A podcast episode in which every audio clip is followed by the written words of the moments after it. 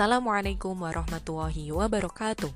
Halo teman-teman, berjumpa lagi dengan saya Lutfi Rahmaning Tias, peserta pelatihan dasar CPNS LIPI 2021 Angkatan 2 dalam podcast Learning Journal.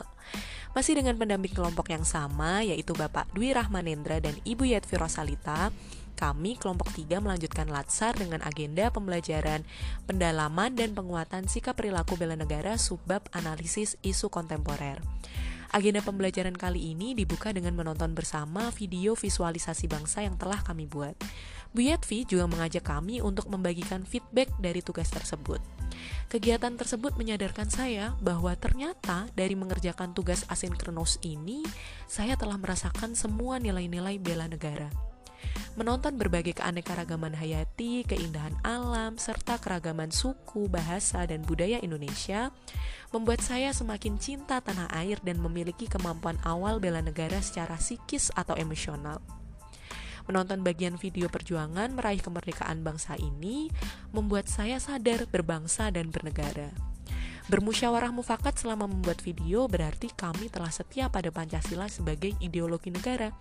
Serta mencurahkan waktu, tenaga, dan pikiran berarti kami telah rela berkorban untuk bangsa dan negara. Apalagi jika video kami dijadikan sebagai materi pembelajaran di kelas lain, seperti kata Pak Dwi.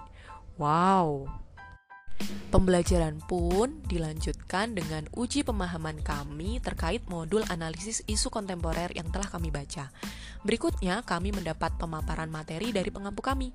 Pak Dwi menyampaikan bahwa dasar dari materi ini adalah kesadaran terhadap sifat manusia yang bernafsu dan berakal, sehingga membentuk kehidupan dinamis yang membuat berbagai perubahan lingkungan strategis.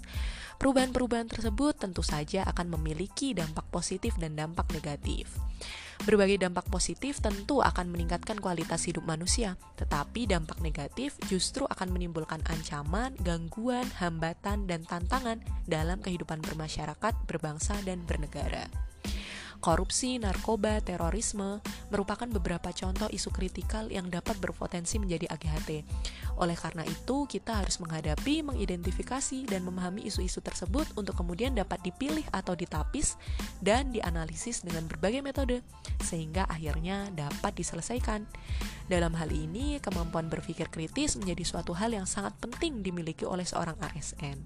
Untuk memilih atau menapis isu, kita dapat menggunakan teknik APKL atau teknik teknik USG.